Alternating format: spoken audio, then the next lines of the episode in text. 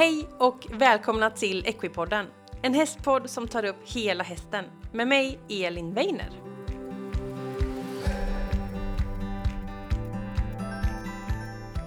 Hej alla Equipodden-lyssnare och välkomna till ett nytt avsnitt av podden.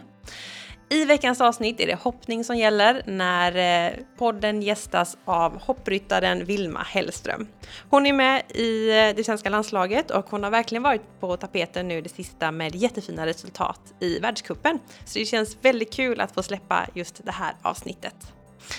Vi pratar om eh, eh Vilmas vardag. Hon eh, bor i Holland och vi pratar lite om skillnaden med att eh, ha hästliv i Holland jämfört med i Sverige. Hon berättar lite om sin första häst Sissi som eh, saknar ett öga som många kanske sett. Hon berättar lite om hur det gick till och hur det har påverkat eh, deras relation och hästen då såklart.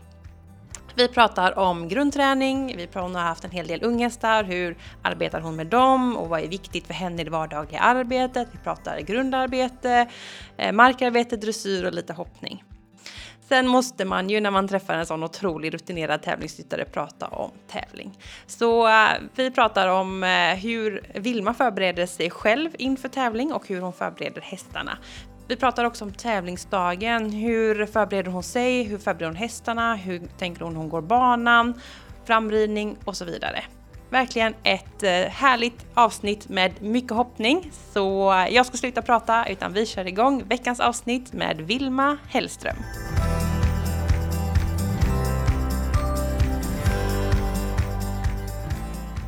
Så då vill jag hälsa välkommen Vilma Hellström till Equipodden. Hej Vilma! Hej Elin, tack snälla. Ända från Holland. Ja. Det är jättedistanspoddande idag.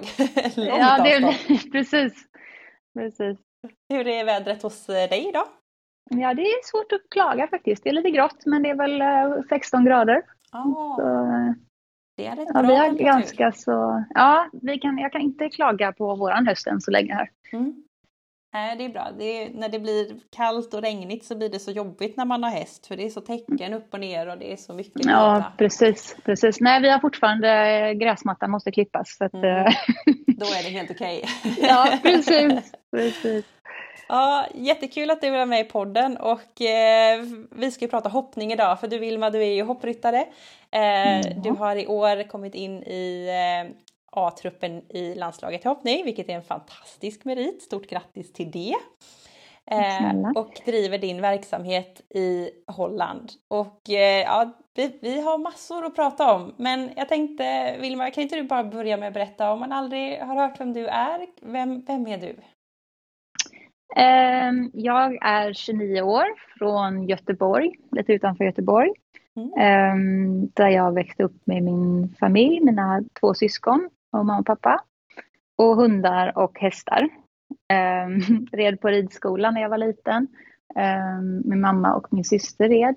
Um, ja, och sen, uh, sen vips så gick åren fort. Vi var iväg mycket och uh, tävlade med ponny och gjorde liksom hela den svängen med mamma och pappa och all, mm. all support verkligen och hade tur och hade fina ponnysar och um, det ena ledde till det andra och uh, nu är jag i Holland sedan mm. sex år tillbaka redan. Mm. Jag skulle varit här i, ja, jag skulle varit här i fyra veckor. det blev sex år. Um, ja, och nu har jag ju mitt hem här liksom. Mm. Um, så ja, nu är det ett nytt liv. Mm. Ja, men det blir ju så. När, när åren går så bygger man ju på sig mer och mer och vänner och bekanta och man känner till området. Det är klart att man, man stannar. Ja, precis. Hemma är ju fortfarande hemma i, i Sverige men mm. just, just med hästarna så är det ju väldigt ehm, det är väldigt flexibelt att bo här. Mm. Ehm, allting är så nära till hands och mm. vädret är också ganska så behagligt. Mm, lite snällare kanske. Mm, mm, precis. Mm. Det är ju klart olika i Sverige men eh, jag är också från Göteborg och våran blålera är ju inte att leka med. Nej, Nej precis. Har det alltid varit hoppning eller var det någon sväng något annat i din eh, Nej, ja, jag hade faktiskt en liten eh, Palomino ponny en gång som uh, hade gått fälttävlan så hon mm. kunde också gå dressyr då. Mm. Um, så då fick man ju med en dressyrsadel. Och min uh, gudmor Malena Bering är um, ridit dressyr. Mm. Så att då, och då tänkte jag, nej men nu ska jag nog prova att sitta i en dressyrsadel. Men det varade inte så länge. det var något pass där och sen var det, nej gud jag kan inte sitta i den här sadeln. Ja, det är lite um, annorlunda. Ja, verkligen, verkligen. Så nej, det har alltid varit hoppning. Mm. Mm. Mm. Nej, men det var väl ändå bra att du gjorde ett försök? Ett ja, försök. absolut. Ja. Så man vet att man absolut. är på rätt. Och eh, ja, du har ju gjort eh, en lång resa med eh, olika tränare och olika delar av Europa och fått vara med om en enorm utveckling. Ehm, mm. Jag tänker att när jag har läst på om dig så känns det som att du har varit hos flera olika tränare och verkligen fått lära dig. Vad, vad känner du liksom har varit viktiga delar för att hamna där du är idag? Är det olika tränare eller är det att du har en sug efter kunskap eller bara det blev så? Om du förstår vad jag menar. Ja, um, jag tror att det är olika faktorer som väger in. Liksom att man måste på något sätt hitta sin egen väg. Mm. Um, och det har väl det här att jag har haft lite olika tränare och fått olika insikter blir att man tar liksom de delarna som man själv känner att det här vill jag bygga på. Um, tar man liksom med sig och till slut så blir det att man har sin egen um, grund liksom på något mm. sätt. Um, sen betyder inte det att jag tycker att man ska ha en massa olika tränare utan det har blivit, det, det blev lite mer så för mig. Mm. med hela, men man fick jobb där och så var man där och så, men, som det är i livet liksom. Mm. Men um, nej, jag, jag, tror att det är viktigt vad man än gör att uh, försöka verkligen ta åt sig så mycket som möjligt av det man känner att man står för. Liksom. Mm, mm. Ja precis, och bygga mm. sitt eget och hitta guldkorn ja. från olika ställen. Precis, precis. Ja, superbra. Och eh, du har ju ett antal hästar i stallet och eh, du har ju en häst som eh, är din första häst just nu som heter Sissi. Eh, mm. En stor skimmel, eller hur? Mm. Ja. ja, hon är egentligen inte så stor men hon är lite av en krigshäst liksom. Hon är så här bastant eh, dam. Ja. som gör vad hon vill. Ja, ja. precis. Men mm. hur hög är hon då? Eh, 1,67, 68. Ja, det är ändå ganska stort. Ja, Nor normalstor. ja, precis. Normalstor. Mm. Eh, kan du inte berätta lite om henne? Jo, eh, Cissi har jag haft nu i snart sex år. Mm. Um, hon uh, var väldigt lovande när, hon var, när vi fick henne. Hon hade redan gått, uh, hon var topplacerad i både Flyinge och i Falsterbo som femåring mm. med uh, Marcus Westergren. Um, och sen köpte jag henne då och hon var väldigt lovande som, som sexåring, hoppade jättefint och vi tog, skyndade liksom långsamt med henne. Uh, för hon har alltid varit väldigt, uh, väldigt smart. Mm. Så att hon, uh, ja, det har liksom varit som att man bara väntat på att man kan ge henne en utmaning lite grann. Um, och sen blev hon blind på ena ögat faktiskt på en internationell tävling i, i en box. Hon rullade sig och slog i huvudet. Oj. Um, mm, sånt där man tänker att det inte ska hända. Och, mm. Ja, det var... På något sätt tror jag att hon, uh, hon på ett konstigt sätt har varit menat att, att stanna hos mig. För mm. att um, det var ju lite folk som var och drog i henne. För min business är ju egentligen att sälja hästar, liksom bygga upp dem och sälja. Um, men uh, så hade vi sagt då när hon var sex så sa vi nej, vi behåller henne för hon verkar så himla lovande. Så var hon sju och så sa vi okej, okay, nu kanske vi ändå måste liksom. Mm. Uh, har vi inte råd att behålla henne. Och då hände det här. Uh, och det ändrade ju hela situationen liksom. För det var ju ändå ett par år sedan. Nu är det ju ändå några stycken hästar som hoppar med, med ett öga, men då var det inte så många. Mm. Um, så det var väl tur i oturen för mig att jag uh, kunde få behålla henne. Ja, Mm. Men vad hände? Slog hon i huvudet eller var det något vasst som Ja, hon, hon, äh, ja precis. Hon slog i huvudet liksom i väggen. Det var sådana här oj, bultar liksom. Ja, som, som de här boxarna. Ja. Um, så att um, det var en ren olyckshändelse liksom. Jätteotur. Ja, verkligen. Um, så det var ju lite, alltså man visste ju inte om hon skulle komma tillbaka och vara sig själv eftersom hon, hon också är så hon har väldigt uh, hög integritet. Liksom. Hon är väldigt, ja hon, hon är väldigt, uh, jag vet inte hur jag ska förklara henne, hon är en väldigt speciell individ. Mm. Um, så att det var ju också ja, en, en, väg tillbaka, att hon skulle lära sig allting och Um, men jag kommer ihåg första gången jag hoppade henne. Uh, hon är ganska lat sådär hemma, men första gången jag hoppade henne, sen när, när hon hade blivit av med ögat, hon var så glad. Har, hon har aldrig, aldrig innan, den här, eh, innan det hände och aldrig efter har hon betett sig på det här viset. Det var liksom sån lycka. Jag har kvar filmerna på telefonen. Det, hon hoppar liksom eh, 20 centimeter och hon är så lycklig så att det finns liksom eh, ja, det, var så, det är så underbart. Ibland tittar jag bara på det och bara blir alldeles varm i kroppen. um, så hon är väldigt uttrycksfull kan man mm. säga. Mm. Mm. Men eh, man har tagit bort ögat helt enkelt? Um... Ja, precis. De, man kan sätta in en, um, ett, ett liksom låtsasöga men det är ju bara för, för våran skull. Liksom. Mm. Så att för hästen är det klart bättre att vara utan. Mm. Eh, men hon har fortfarande några ögonfransar kvar. Ja. Som sitter där. Mm. Hon är så vacker så. Ja, visst. Men eh, vad är skillnaden då en häst som har eh, ja, hälften av synen jämfört med en vanlig häst? Behöver du tänka på något annat sätt eller förbereda henne på ett annat sätt inför hinder eller? Nej, det är lite mer säkerhetstänk med mm. allting. Mm. Um, nu har det blivit lite av en vana att man, när hon är på tävling så har hon alltid en dubbel box. Så hon har alltså två boxar. Um, och uh, när hon åker i lastbilen så har hon alltid sin plats. Och mm. Om hon ska in och ut från stallet, för ibland är hon ju liksom lite blindstyrd att hon liksom mm. inte ser. Uh, det kan hon ju inte hjälpa stackarn. Uh, så man, alla sådana saker får man liksom vara extra försiktig med. Ja. Um, i början var hon, eh, eller det kan hon fortfarande vara faktiskt när jag rider henne, om hon blir eh, rädd för någonting eller liksom lite skärrad, då sparkar hon alltid ut till höger där hon ah, inte kan se.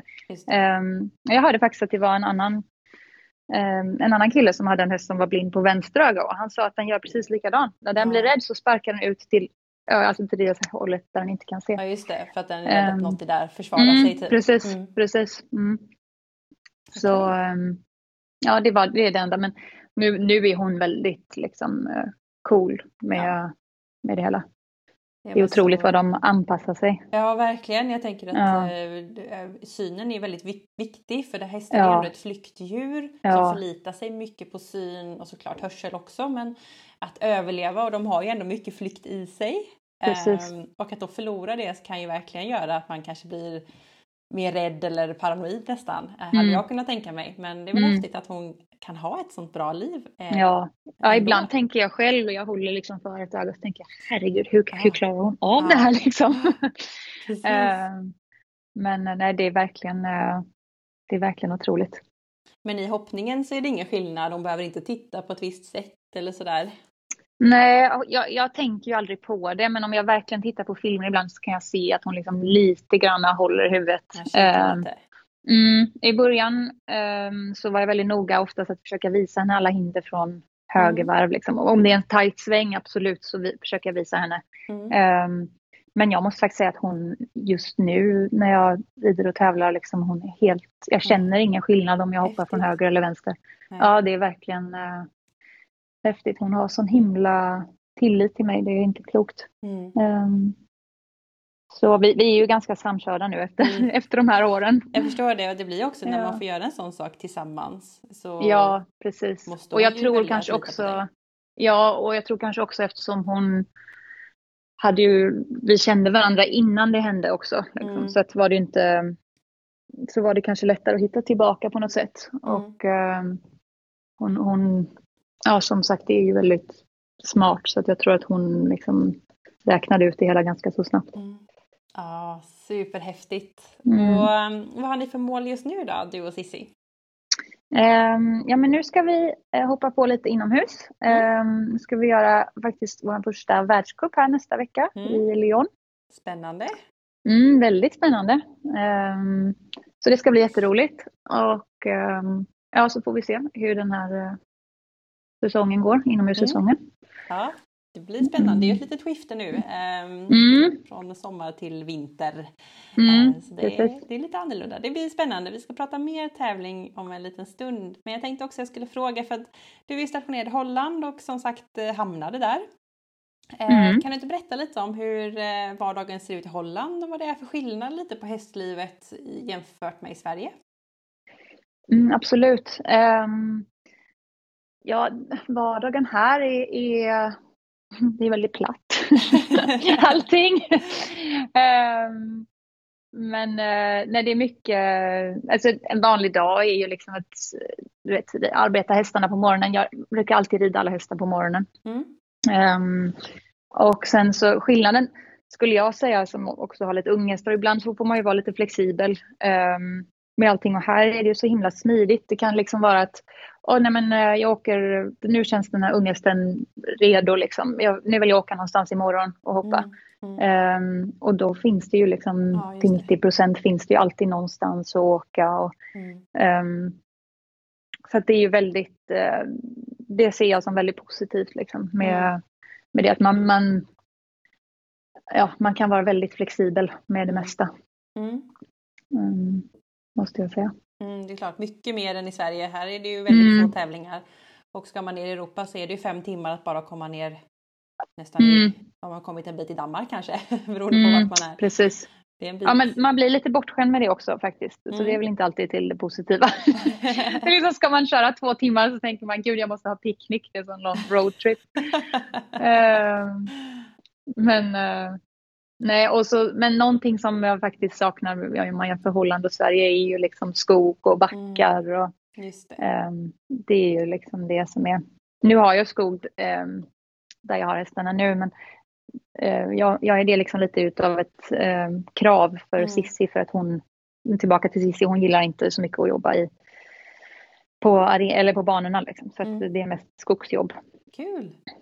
Mm. Ja, det är mm. man ju bortskämd med i Sverige med allemansrätt och um, mycket skog eh, och ja, mycket anlagda precis. stigar och vägar att gå på. Ja. Eh, det är lite annorlunda neråt i Europa. Eh, mm. Det, är... det, är så, det, är, ja, det är väldigt tajt allting här. Mm. Det är mm. liksom inte så mycket mark till övers. Nej precis. Och man kan mm. inte gå på vems mark som helst. Nej precis. Heller. Precis. Mm. Så det är liksom största skillnaden tycker du? Finns det några andra skillnader som kan vara positiva eller negativa? tänker på hästhållning, eh, hagar kan ju vara svårt vet jag. Ja, precis. Ja, men det är just det tycker jag, naturlivet liksom mm. hästarna. Mm. Um, tycker jag ju är, det är så härligt hemma liksom att det är det här med stora hagar och um, sen är ju allting annat här, okej okay, det beror ju på var man är också. Ja, nu har vi också hagar till hästarna men det är inte samma det är inte riktigt samma kultur här att hästarna går ute hela dagen och mm. um, vi försöker ha ute dem varje dag men då går de liksom några timmar. Och, mm.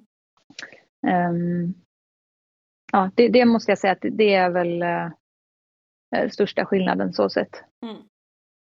Mm, mm. Och då att ja, med, med tävlingar och träningar, träningar framför allt skulle jag säga. Mm. Att allting är väldigt tillgängligt här. Ja, till mm. duktiga tränare och så också kanske? Ja, eller framförallt banor liksom. Ehm, ja.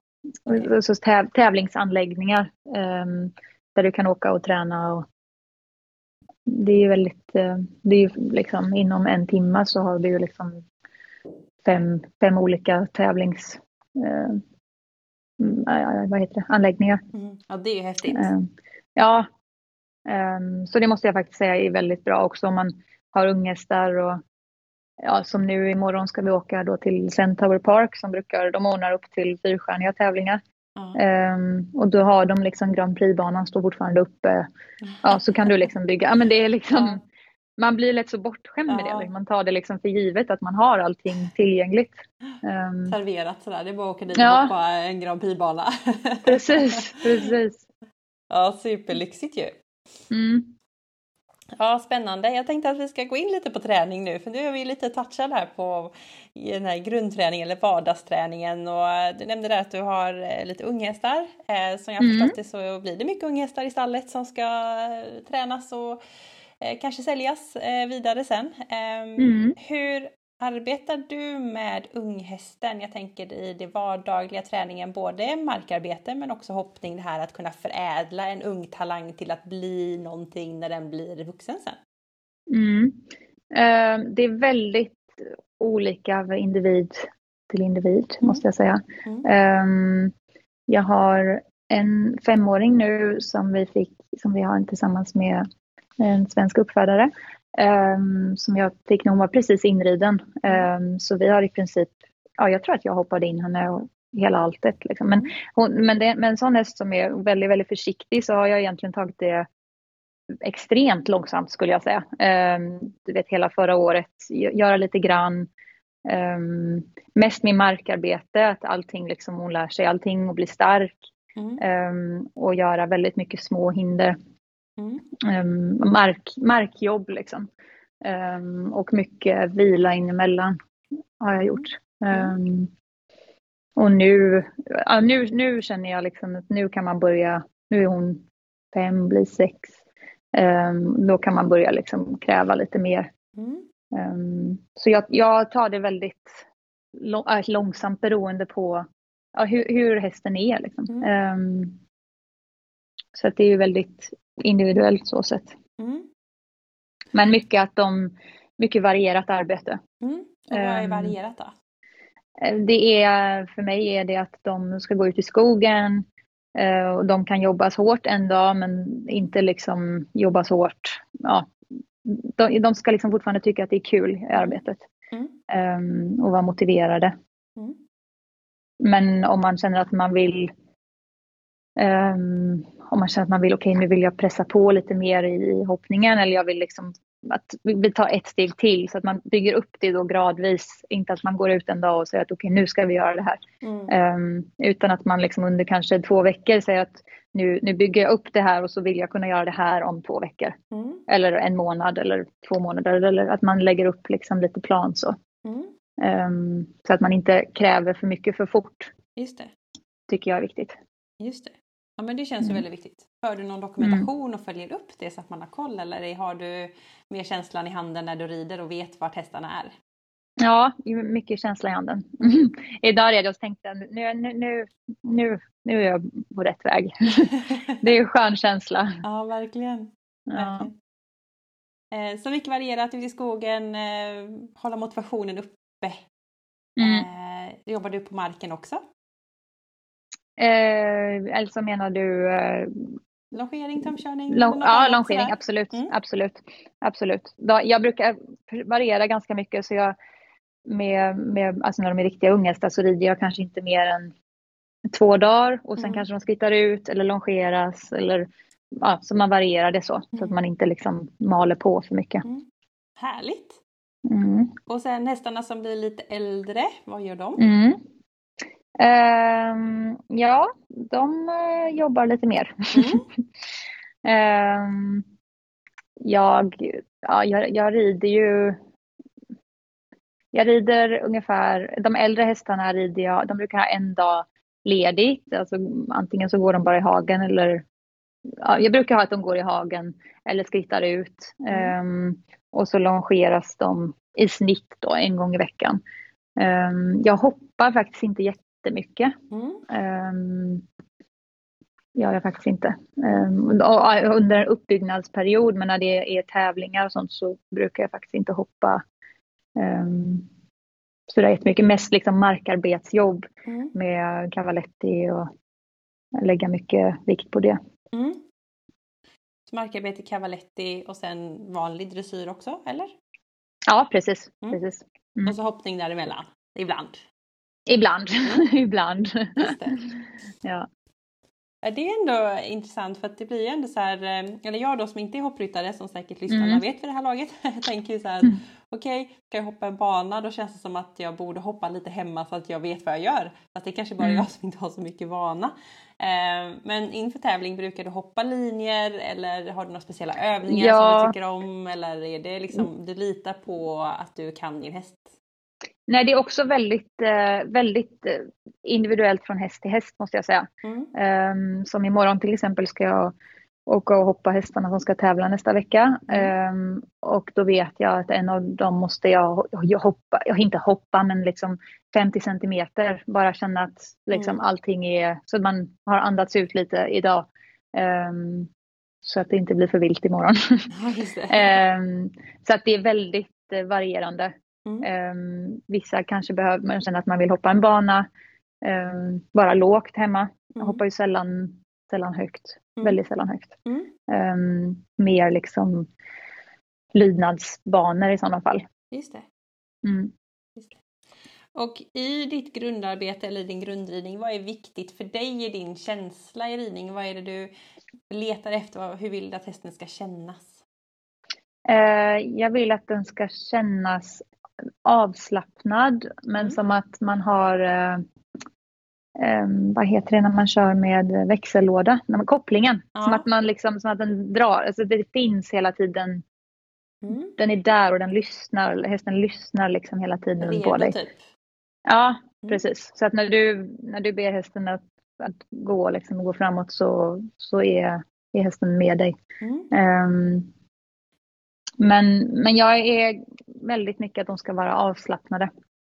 Jag gillar att in emellan, att de får komma ut och de får andas. Mm. Um, så att det inte blir hela tiden för mycket spänning liksom, i mm. arbetet. Det låter ju jättehärligt. Ja. Hoppas att de är nöjda. Ja, ja men det tror jag. Det, det är väldigt härligt att höra dig prata om just det här att komma ut och variera sig och avspändhet och sådär. Det, det låter väldigt härligt. Liksom. Mm. Eh, så det, det, är lite skillnad på unga hästen och den äldre hästen men ändå inte jättestor skillnad då förstår jag. Nej, för mig är det inte sån jättestor skillnad. Mm. Um, måste jag säga. Jag försöker att jobba liksom den yngre hästen i samma system. Man inte kräva lika mycket men fortfarande liksom att ja, ändå i samma liksom, tanke, bara lite lättare mm. övningar. Liksom, men fortfarande det här länga korta och de ska lära sig att sitta och mm. um, ja, men i lite långsammare takt då.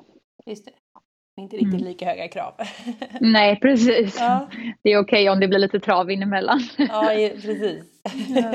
Man är mer förlåtande när man kommer till unghästarna. Ja, precis. Mm. Vad kul! Och hur mycket hästar rider du på en dag ungefär? Um, ja, jag, just nu har jag sju stycken så att mm. uh, i snitt i snitt kanske fem, mm. fem, sex. Det är ganska mycket. Mm. Mm. Eller lagom för dig kanske? Ganska lagom, ganska lagom. Ja, vad härligt.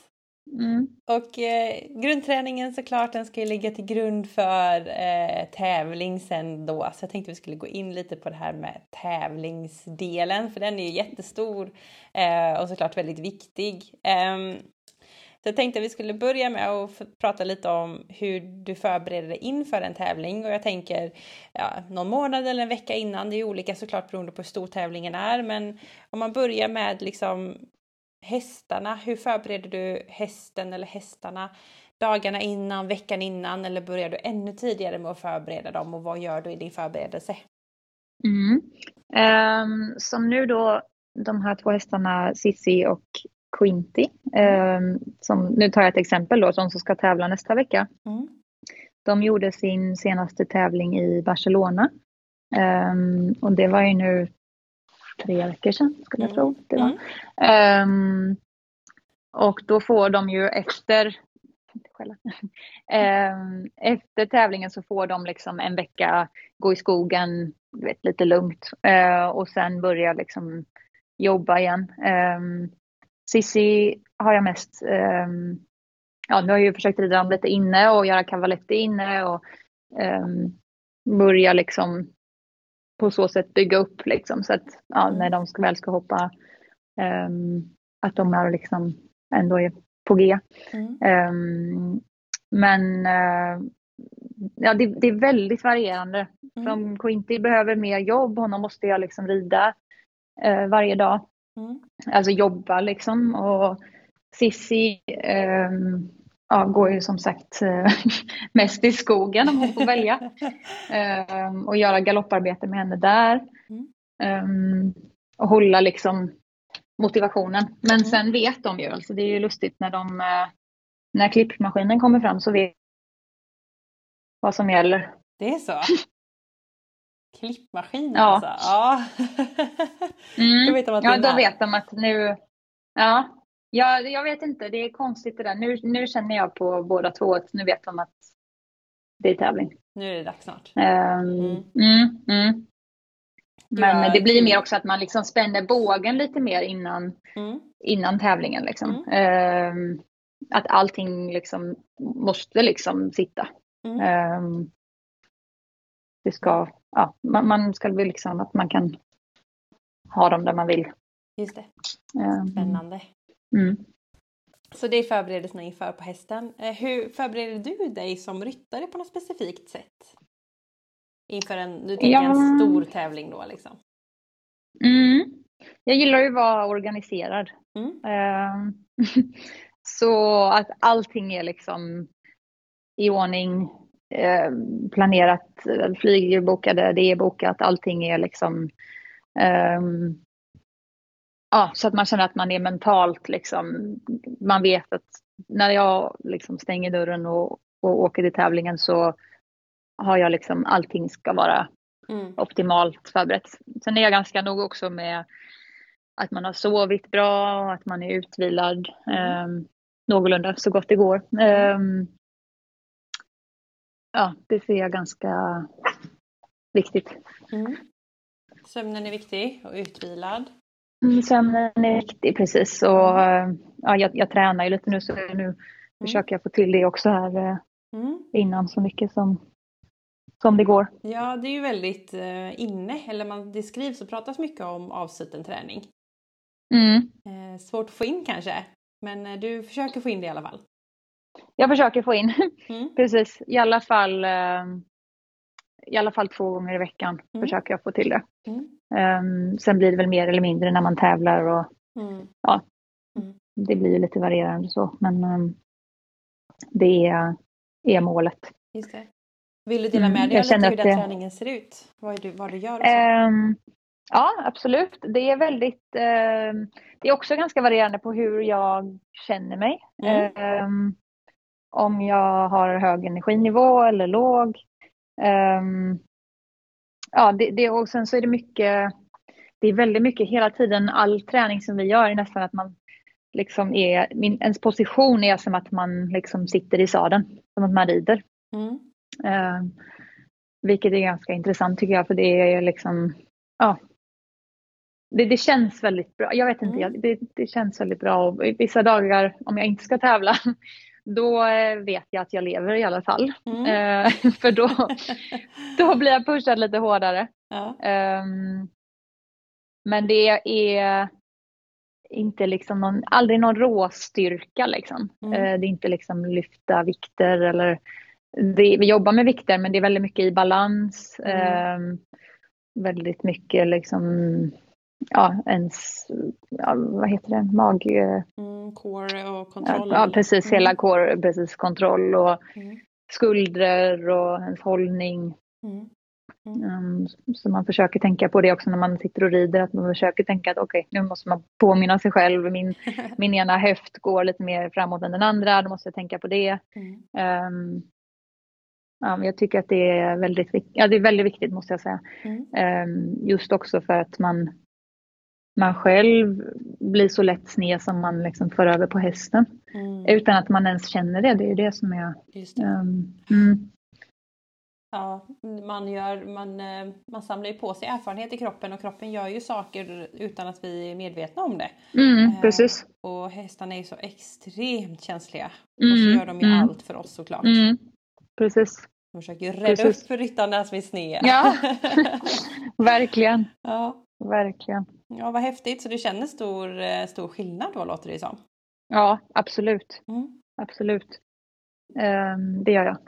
Jag, har, jag känner mycket mer eh, kroppskontroll mm. och liksom på något sätt lite mer uh, ja, det blir liksom hela ens hållning liksom på hästen. Man blir mer, eh, jag skulle säga att när du har mer kroppskontroll och du mm. känner att du är stark och du, det ger dig liksom också mer självförtroende som ryttare. Um, och, och känna att du är, liksom, du är i kontroll. Mm. Mm. Um, på något sätt. Ja, men jag förstår känslan. Um, att man ja, blir lite säkrare, lite tryggare. Ja. Jag tror det kan vara någon mental grej också att hjärnan så förstår att okej okay, eh, minskad risk att jag dör om jag trillar av. Typ. det var så här, jag klarar det här. jag vet inte. Ja. Nej. Nej, och också typ att du kan ju mycket. Du, du har ju större chans att få till precis det språnget, precis det eh, momentet som du vill mm. eh, om du själv är mer förberedd. Mm. Mm. Um, Just det. Så, mm. mm. så det är liksom det kroppsliga Eh, mm. Långsiktigt arbete såklart. Gör du någon mental eh, eh, träning eller att man behöver göra listor eller någonting för ditt mentala eh, inför en tävling? Nej. Um, nej, det gör jag faktiskt inte. Jag lyssnar på väldigt mycket musik. Mm. Väldigt mycket musik. Um, och um, nej, men in, inför en tävling så skulle jag inte säga att jag gör jag gör något så speciellt. Um, Mm. Precis, där är vi men olika på... såklart. Men på tävlingen mm. då har du lite mer som du behöver eh, ja, göra eller? Då, då har jag gärna liksom eh, en, eh, jag vill gärna ha liksom i alla fall att jag känner att jag har varit lite grann för mig själv. Jag gillar att titta på, på filmer mm. eh, med den hästen. Eh, gå tillbaka liksom och gå lite in i gå lite in i sig själv. Det är så lätt mm. när man är, vet, det är mycket runt omkring och att man ändå samlar sina tankar och liksom verkligen fokuserar på vad man ska göra. Mm. Um, och sen efter bangång och så, så gillar jag också att man liksom visualiserar hela, mm. precis varenda steg, hur man ska göra, vad är planen. Mm. Um, för att sen, sen, går det ju inte alltid som tänkt ändå inne på banan, men då har du alltid liksom du, du är mer liksom inne i det på något sätt känner jag. Om man, mm. Ehm, mm. är välplanerad, mm. väl förberedd. Just det. Mm. Så det är viktigt, eh, tänka igenom, visualisera. Eh, det är många som säger det, att visualisera att det är en viktig del eh, i, ja. i upplägget. Och är man mm. på hög nivå så klart att det, det verkar ju funka för många. Mm. Ja, eh, på något sätt att man liksom, ja, det mm. blir, eh, du får lite känsla för det liksom. Mm. Mm, jag förstår. Mm. Jätte, mm. jätteintressant Vilma, vad kul att höra. Mm. Eh, vi, vi fortsätter in på tävlingsdagen då. Eh, du behöver sitta lite själv, du behöver titta lite på filmer, visualisera och liksom komma in i zonen för dig på tävlingsdagen. Mm. Hur förbereder du hästen på tävlingsdagen? Vad behöver den göra?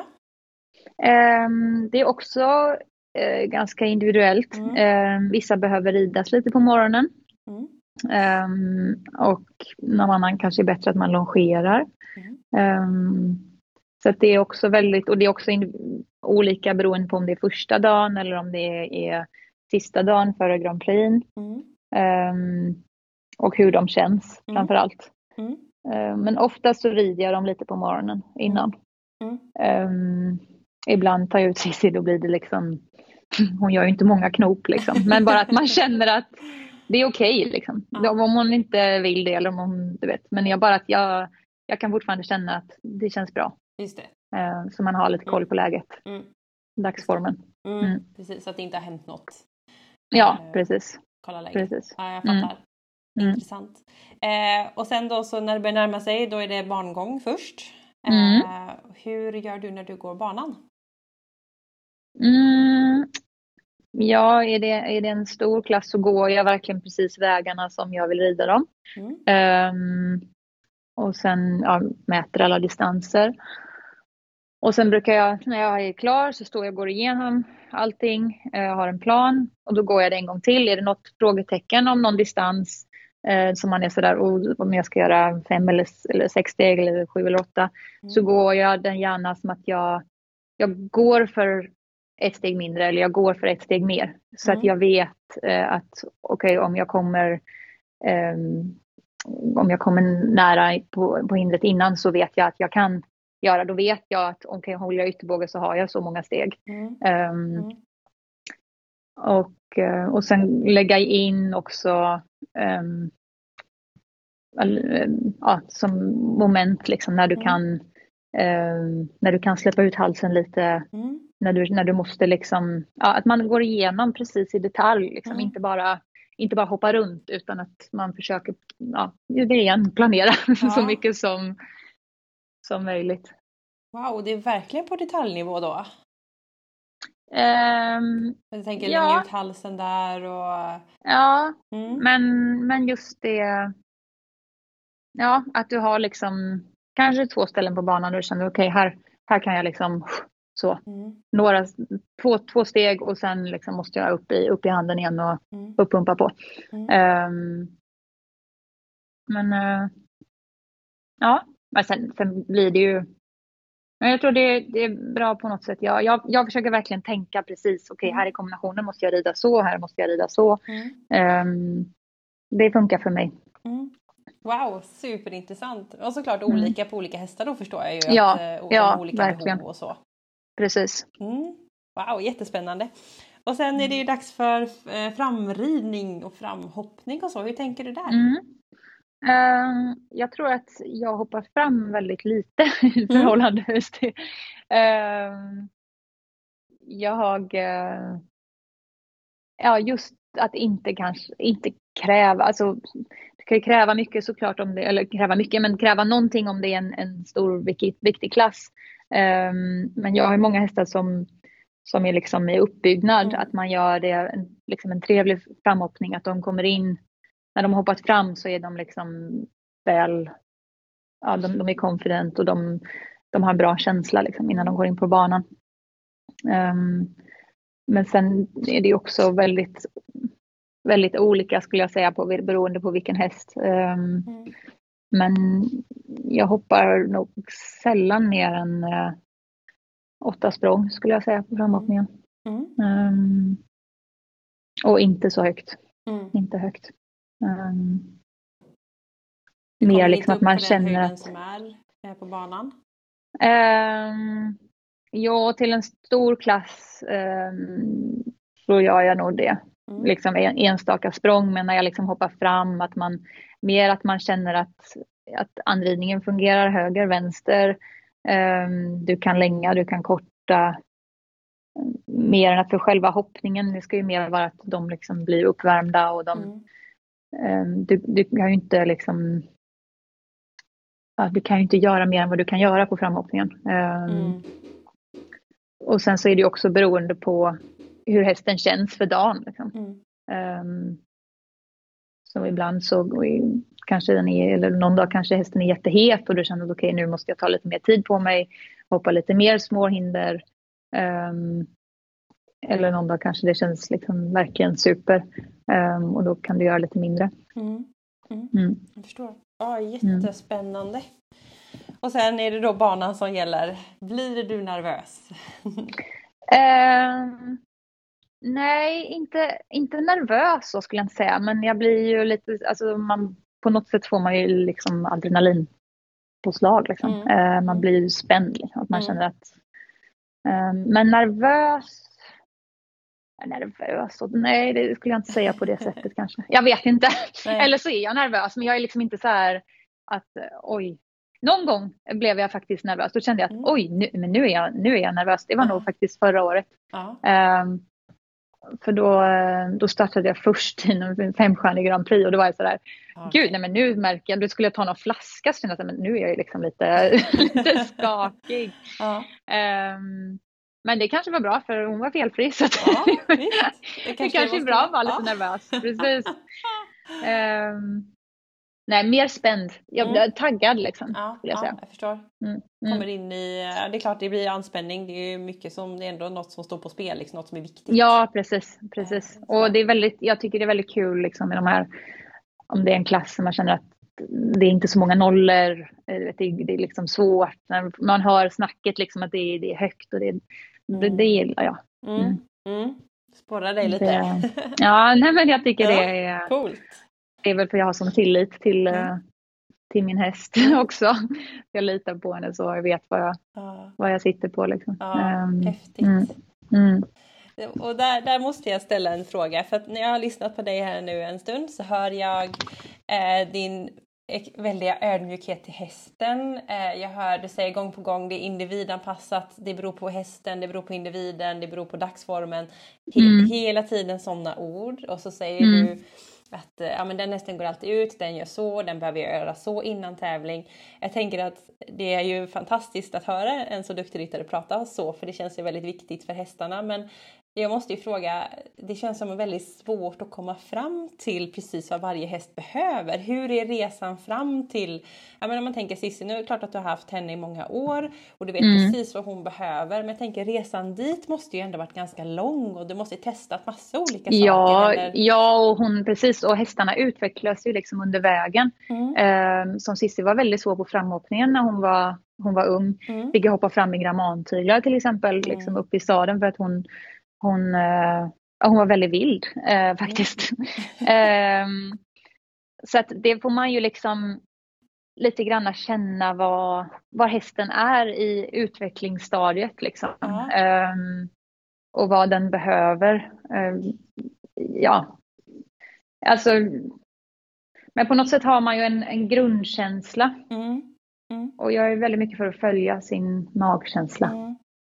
Um, något som säger att nej men jag tror att det är bra att göra så här. Jag har någon e-test som man hoppar och så, så står jag liksom en stund i hörnan och sen hoppar man igen och um, hittar liksom ett system. Det är klart att man får prova sig fram lite grann. Um, vad som funkar bäst till så att du hittar liksom det som är bäst för dig och hästen. Mm. Mm. Mm. Och så analysera då antar jag. Eh, och ändra när du känner att och nu behövde jag inte det ja, längre precis. eller så. Ja. Nej precis, precis så har jag det varit nu också med, med, med Cissi till exempel. Att man, eh, innan att jag alltid till exempel avslutade på en oxer mm. uh, och nu känner jag att nej men nu kan jag nog avsluta på ett räcke. Nu känner jag att hon är liksom, den perioden är, ja man, man känner liksom att man får, ja man, man får liksom följa sin känsla lite så. Mm, jag förstår. Eh, för det är lätt att man också fastnar att man alltid har gjort på ett visst sätt. Mm, liksom. eh, men att man måste känna att man anpassar sig efter hästen och kanske också då kan, eh, kan kräva lite mer eller att man kan liksom, utmana eh, både sig själv och hästen lite mer än vad man eh, kanske har gjort tidigare. Mm. Ehm, mm. mm. Ja, precis. Nej, människan är ju vanedjur så det är ju lätt att göra samma hela tiden. Nu gör jag det här ja, jag har alltid gjort det. Precis, ja precis. precis. Ja. Um, så just Spännande. att se ja, och ta in liksom också mm. från, från andra ryttare. Och det är verkligen en ynnest man får åka på de här stora tävlingarna och mm. med alla duktiga ryttare. Um, mm. Och se liksom, okay, hur gör de och om hästen är så och si och så. Um, få inspiration liksom. Mm. Mm. Häftigt. Ja, det ja, som sagt, jag, jag är imponerad över eh, sättet du berättar om din ridning. Jag tycker det låter jättehärligt. Mm, jag eh, älskar hästar. Ja, jag hör ju det. Det är så fint. Ja. Det är kul att det, också, att det går så bra. Att, det liksom, att man kan få leva och mm. jobba med det som man älskar så mycket. Mm. Ja, det är verkligen eh, men det är väl just det om man, om man älskar det så mycket och man verkligen vill. Um, Ja, det är liksom den där känslan på något sätt. Och den, det är väl den som gör att man pushar sig själv också liksom lite mm. mer. Mm. Um, tror jag, den drivkraften. Just det. Mm. Ja, jättespännande. Nu har vi pratat en bra stund och verkligen dykt in i massa bra ämnen och teman. Och du har ett spännande år framför dig. Eh, nu mm. sa vi att nu kommer eh, inomhussäsongen igång. Eh, lite annorlunda att tänka på. Vad, är, vad är liksom dina mål och vad är drömscenariot framåt? Vad skulle du vilja se om två, tre år, fyra, fem kanske? Vad är du då? Eh, förhoppningsvis. Drömscenariot så är ju att jag har ridit något mästerskap. Mm. Eh, absolut drömscenario skulle såklart vara att få rida Cissi på ett OS. Mm. det är min eh, dröm. Men eh, det är long way to go. Mm. Så eh, man, får, eh, man får jobba på. Mm. Och, eh, ja, men, men det är också att liksom, det, det, är en sak eh, liksom, tävlingsmässigt så, men det är också att um, känna att man, man har liksom sin business och man har sitt liv. Mm. Um, ja, att man liksom hittar en balans i allting. Mm. Um, det tycker jag är viktigt. Mm. Att man inte bara... Jag tror att det är viktigt också för att man ska ja, må, må bra i det man gör. Liksom. Um, mm. Ja, men det är jättebra att du tar upp det. Ibland kan det ju pratas om att eh, man ska offra allt för sporten. Mm. Men eh, jag personligen håller inte med om det. Jag tycker att man ska kunna ha sitt liv och mm. en, en, fungerande vardag. Mm. Det låter som att du också tycker det. Ja, jag är ju väldigt eh, familjekär. Mm. um, och, um, men sen betyder inte det att det ena liksom, tar bort det andra. Um, men att man... Uh, ja, just för att ha, för att ha glädjen i det. Och glädjen till liksom, tacksamheten då till hästarna att man, mm. att man får hålla på med det här. Um, ja, och så bygga upp alltihopa. Förhoppningsvis hittar jag en till Sissi. Det är min ja, dröm. Det, det blir svårt. Precis. Ja. Det blir svårt. Men uh, det är ju det vi strävar efter. Mm. Mm. Hitta, du... fina, hitta fina unghästar och förädla. Det Just tycker jag är väldigt roligt. Mm. Nej, du ska nog inte vara orolig. Den kommer dyka upp i stallet en vacker dag så står den där. Mm. Förhoppningsvis kanske, om inte annat kanske en bebis. Ja, precis. Någon dag i framtiden. Fördelen med stor Mm, precis, vi hoppas på det. Ja, Får vi se. Mm. för ett, ett, ett annat typ av liv också. Eh, mm. Inte bara tävla. Ja. ja. men fantastiskt, vilken härlig pratstund vi har haft nu Vilma. Nu har vi pratat på en eh, bra stund. Mm. Eh, jättemycket verktyg, kul att höra dig resonera och prata och eh, jag tänkte att vi skulle runda av. Och mm. eh, då tänkte jag eh, ställa en liten sån där lite oförberedd fråga så att du får svara lite på bara vad som kommer från hjärtat. Om du mm. skulle ge tre tips till en ung hoppryttare som känner att ja, men, mitt mål är att komma med i landslaget och mitt mål är att rida de stora tävlingarna. Vad har du för tre tips till den personen då? Mm. Då skulle jag säga att det är väldigt viktigt att du har eh, en stark bas med din mm. häst. Så att, eh, för att bakslag kommer eh, mm. alltid. Ehm, och ju högre liksom, lägsta nivå du har, ehm, det skulle jag säga att det är nog det viktigaste, att försöka verkligen jobba på att det inte är så mycket up and downs utan att du är liksom, försöker vara så, så jämn som möjligt um, i, i allt. Liksom. Um, så det ska väl vara en sak då. Och eh, jobba på din egen fysik. Mm. Verkligen. Det kanske jag känner att jag önskar att jag hade börjat med ännu tidigare. Mm. Um, på det sättet som jag gör nu. Mm. Um, för det har verkligen hjälpt mig i min ridning. Um, och sen skulle jag säga att inte glömma alltså inte glömma bort relationen med hästen. Mm. Inte liksom bara tänka resultat och jag tror på något sätt att det, det får både hästen och det är att göra lite extra. Mm. Ehm. Jätteviktigt. Mm. Ja, mm. det, jag tycker att det är, det är viktigt att man som är horsemanship och man kan bara, man kan bara göra det man kan göra på något sätt så att man får liksom uh, när en själv är redo och när hästen är redo att man känner att då kan man göra det liksom. Mm. Um, men det är liksom det finns liksom inte så mycket genvägar utan det är bara att man, man får liksom ja, man får jobba på. Mm. Mm. mm. Jättebra saker. Så, um, ja. Mm. Där, jag hoppas det. Där rundar vi av helt enkelt. ja. Ja, nej men helt fantastiskt. Det här tycker jag var en jättetrevlig intervju. Tack så jättemycket Vilma, fantastiskt roligt. Och mm, om, man nu lyssnar, ja, om man nu lyssnar på det här och tycker det verkar kul, om man tycker du verkar häftig, kan man följa dig någonstans eller hur kommer man i kontakt med dig? Um, ja, det gör man nog lättast på Instagram. Mm. Um, skulle jag säga. Det är mycket mm. hästar. Mycket hästar där. hästar och hundar. Ja, precis. precis. Ja. Och eh, där heter du Vilma Hellström bara va? Precis, mm. ja. Mm. Precis. Där kan man hänga med lite i vardagen. Ja, och skicka meddelande om man har någon fråga. Inga mm. problem. Mm. Spännande. Mm. Ja, nej men då, då säger jag tack så jättemycket Vilma för att du var med i Equipodden. Ja, tusen tack för att jag fick vara med.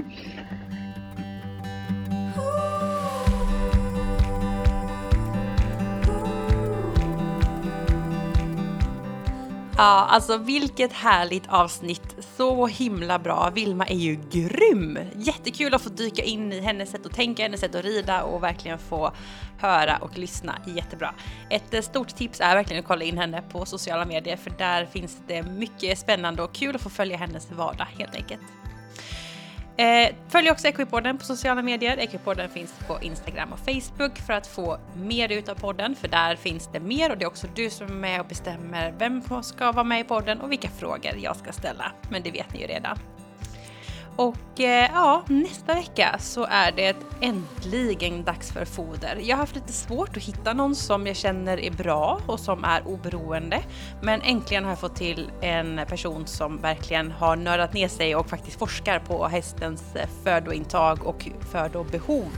Så nästa vecka blir det foder i podden. Så att, eh, jag vet att ni längtar, jag längtar också, men vi får hålla ut en vecka till innan vi släpper det avsnittet. Så ja, ha en fantastisk höstvecka. Jag hoppas att det inte regnar för mycket på er och så får vi höras snart igen. Hej då!